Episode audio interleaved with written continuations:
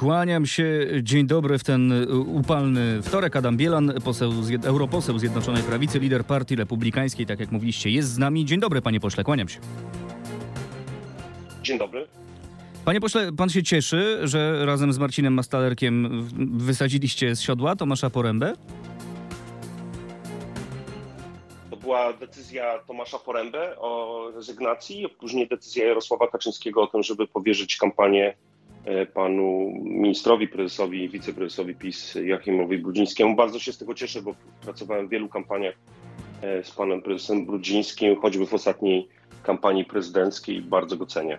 Czyli cieszy się pan, że Tomasz Poręba już nie kieruje tą kampanią? Podtrzymuje pan swoje stanie, że on e, popełniał e, błędy? Nigdy nie mówiłem o tym, żeby popełniał błędy. To nie są moje słowa.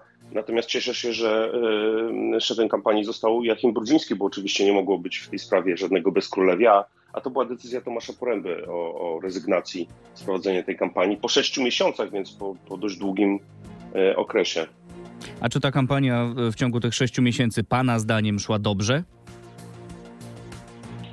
Nastąpił wzrost notowań. Pamiętajmy, że mm, gdy ona się w grudniu zaczynała, chociaż formalnie oczywiście kampania zacznie się w momencie dopiero ogłoszenia wyborów przez pana prezydenta, e, wtedy mieliśmy niskie notowania.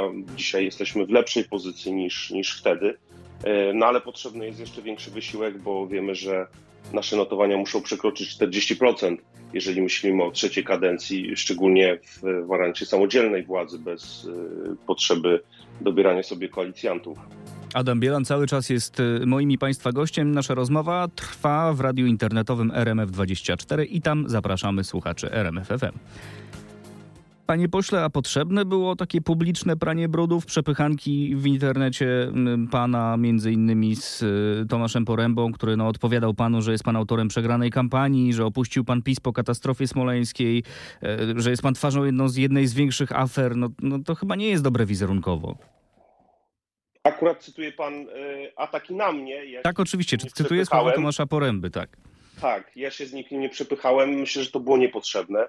E, bo wygrać możemy tylko razem. E, jeżeli będziemy, jeżeli bylibyśmy podzieleni, choć jestem przekonany, że będziemy e, wspólnie działać w jednym kierunku, to, to przegramy, więc ten wpis był zupełnie niepotrzebny. Natomiast ja nie jestem osobą pamiętliwą. Co było, to było. Dzisiaj musimy się skupić na przyszłości i wiosłować w jednym kierunku. Panie pośle, a pan się znajdzie w sztabie wyborczym e, Joachima Brudzińskiego, e, bo mamy takie informacje, że ten skład ma być poszerzony właśnie o, o, koalicjantów, o ludzi Zbigniewa Ziobry i o pana ludzi, a być może o pana, pana samego. Będzie pan pracował przy kampanii?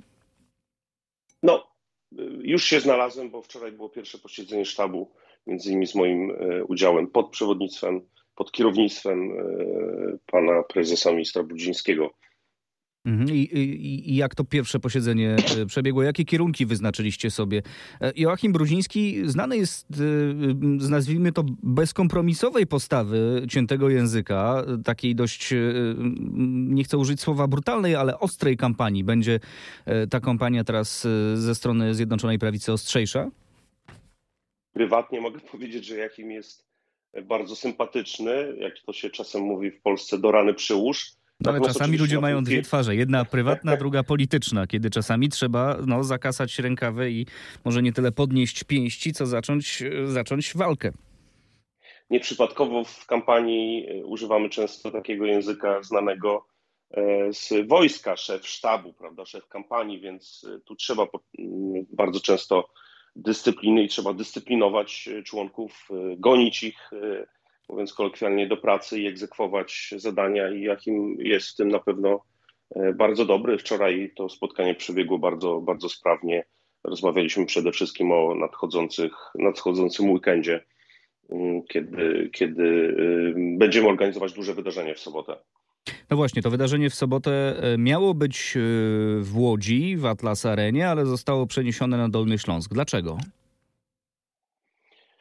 Tak jak napisał e, sam poseł Brudziński, zmieniła się koncepcja e, tego wydarzenia. Jeszcze nie mogę mówić w tej chwili zbyt wiele. Sądzę, że w ciągu najbliższych kilku, może kilkunastu godzin e, tę nową koncepcję Państwo poznacie i też zrozumiecie zamysł, jakimi kierowali, kierują się organizatorzy. Więc to wydarzenie nie odbędzie się w Łodzi, tylko właśnie na Dolnym Śląsku. Troszeczkę cierpliwości i media i za pomocą mediów również wyborcy będą już wszystko wiedzieć. A może wy chcieliście, a może wystraszyliście się tego ruchu Hanny Zdanowskiej, która stwierdziła, że to 100 tysięcy złotych za wynajem Atlas Areny trafi na miejski program in vitro? To nie miało nic wspólnego z deklaracją pani prezydent. Nic wspólnego. A, a 100 tysięcy na in vitro, panie pośle, to jest dobry pomysł na miejski program in vitro? Nieważne skąd je wziąć. To są decyzje y, polityczne, mm, które obowiązują w miastach, szczególnie tych rządzonych przez Platformę Obywatelską. Ja zresztą nie wiem, czy ta zaliczka może być wycofana w tym momencie, więc y, mhm. o tym decyduje pani prezydent i samorząd y, miasta Łodzi. Panie pośle, a do tej konwencji sobotniej, wracając, o której pan za wiele powiedzieć nie może, a czy tam padną jakieś decyzje personalne? Ja pytam dlatego, bo już już drugi tydzień spekulujemy o tym, że Jarosław Kaczyński ma wrócić do rządu. Y, może pan zdradzić, czy taka decyzja zapadnie?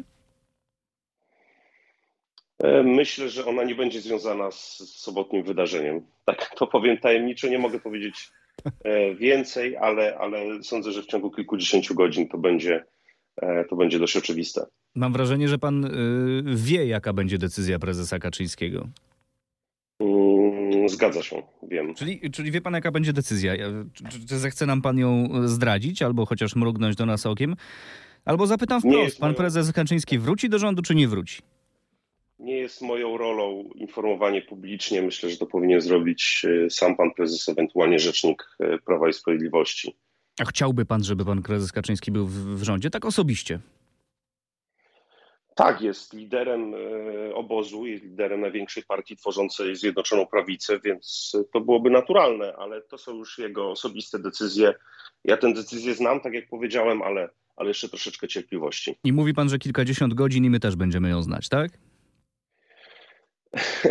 Myślę, że tak. Dobrze, panie pośle, a wracając do tej kampanii, bo e, w ostatnim czasie kampania Prawa i Sprawiedliwości zaliczyła parę, parę, parę dołków. No między innymi bardzo niesławny spot, w którym pojawiły się kadry e, z obozu zagłady Auschwitz-Birkenau w kontekście marszu 4 4 czerwca. Co w tej kampanii trzeba najpilniej naprawić? No poza no, zrezygnowaniem z takich bardzo kontrowersyjnych, a wręcz no, bardzo negatywnych ruchów jak ten spot.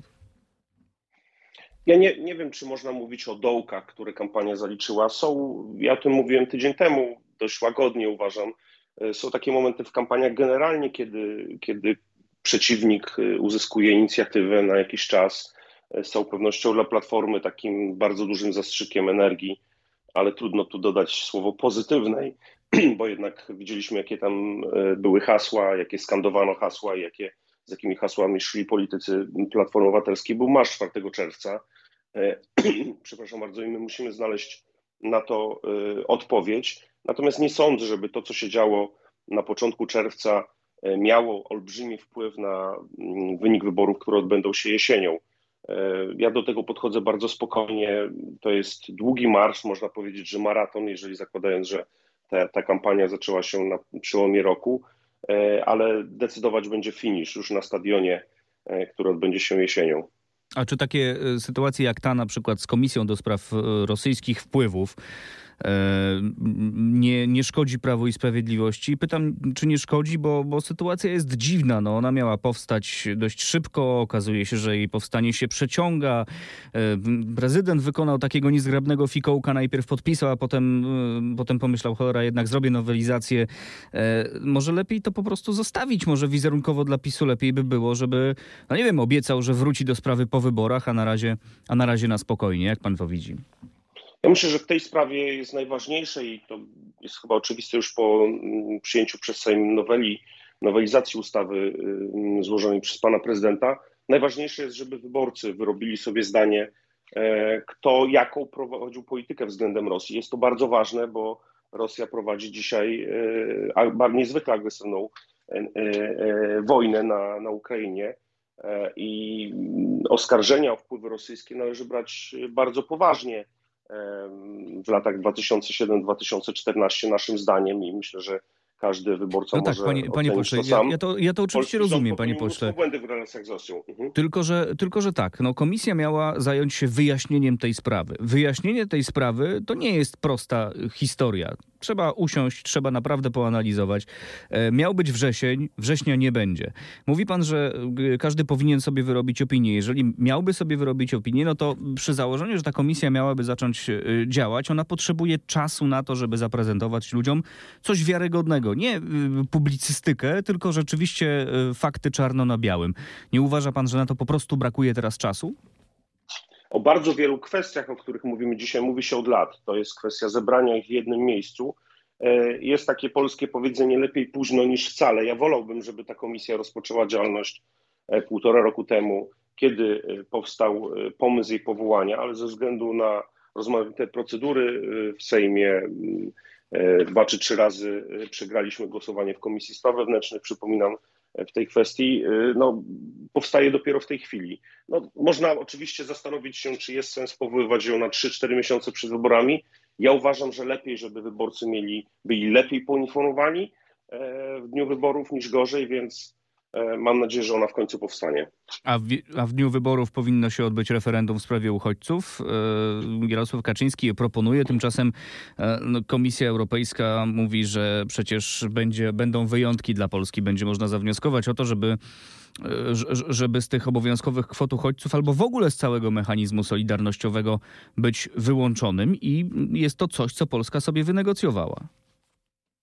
W tej sprawie trudno mieć zaufanie do urzędników Komisji Europejskiej, bo przypomnę, że ten pomysł po raz pierwszy pojawił się w latach 2014-2015.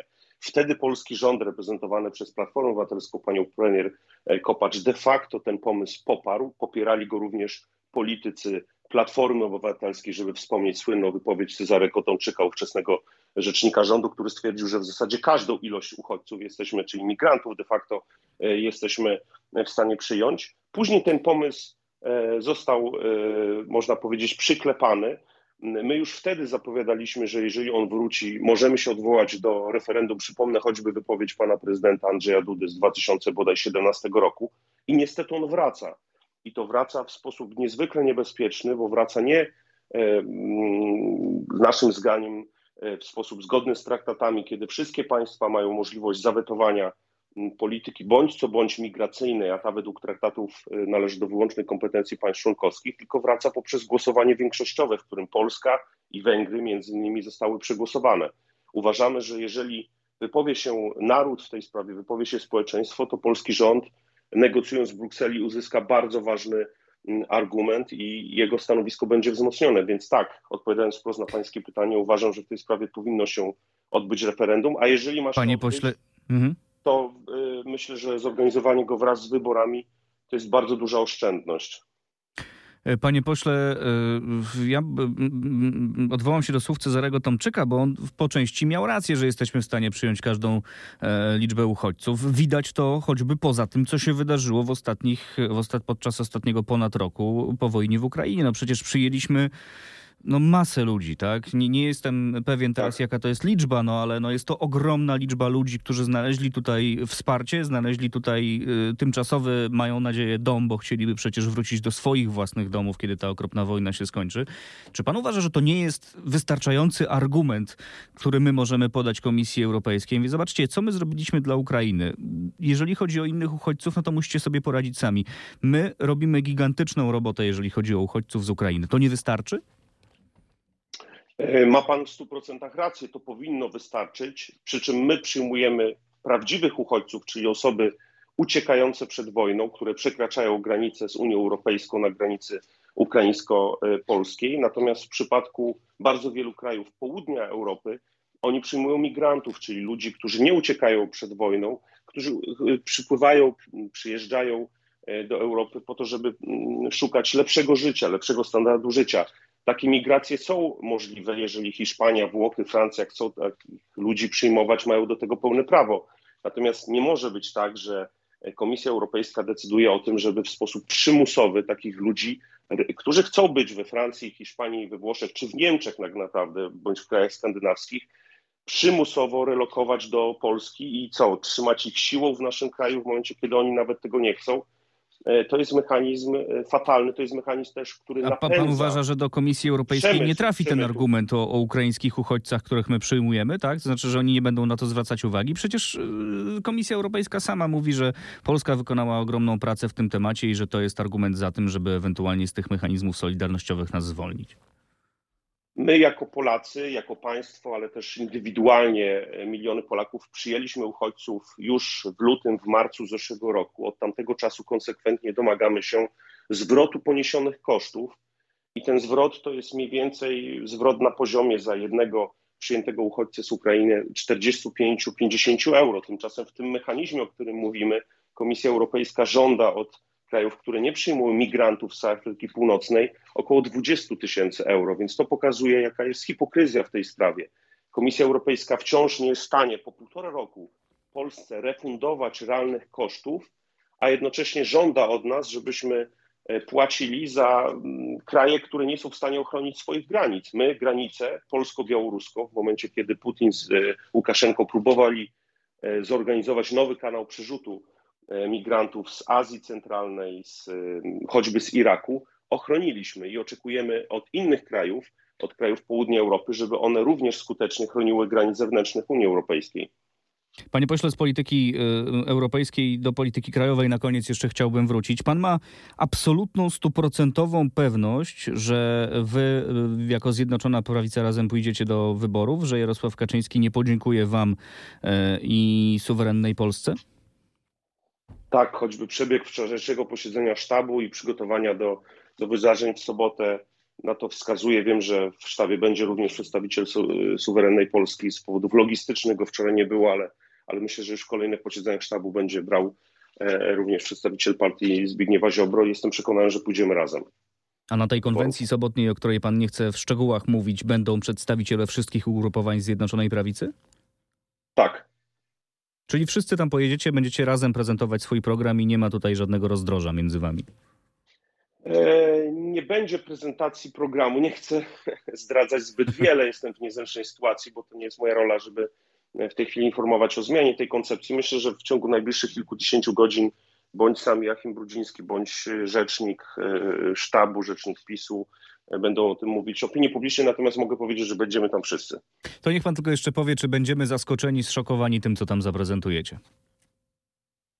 Nie, być może pewne zaskoczenie będzie, natomiast yy, nie sądzę, żeby to był szok.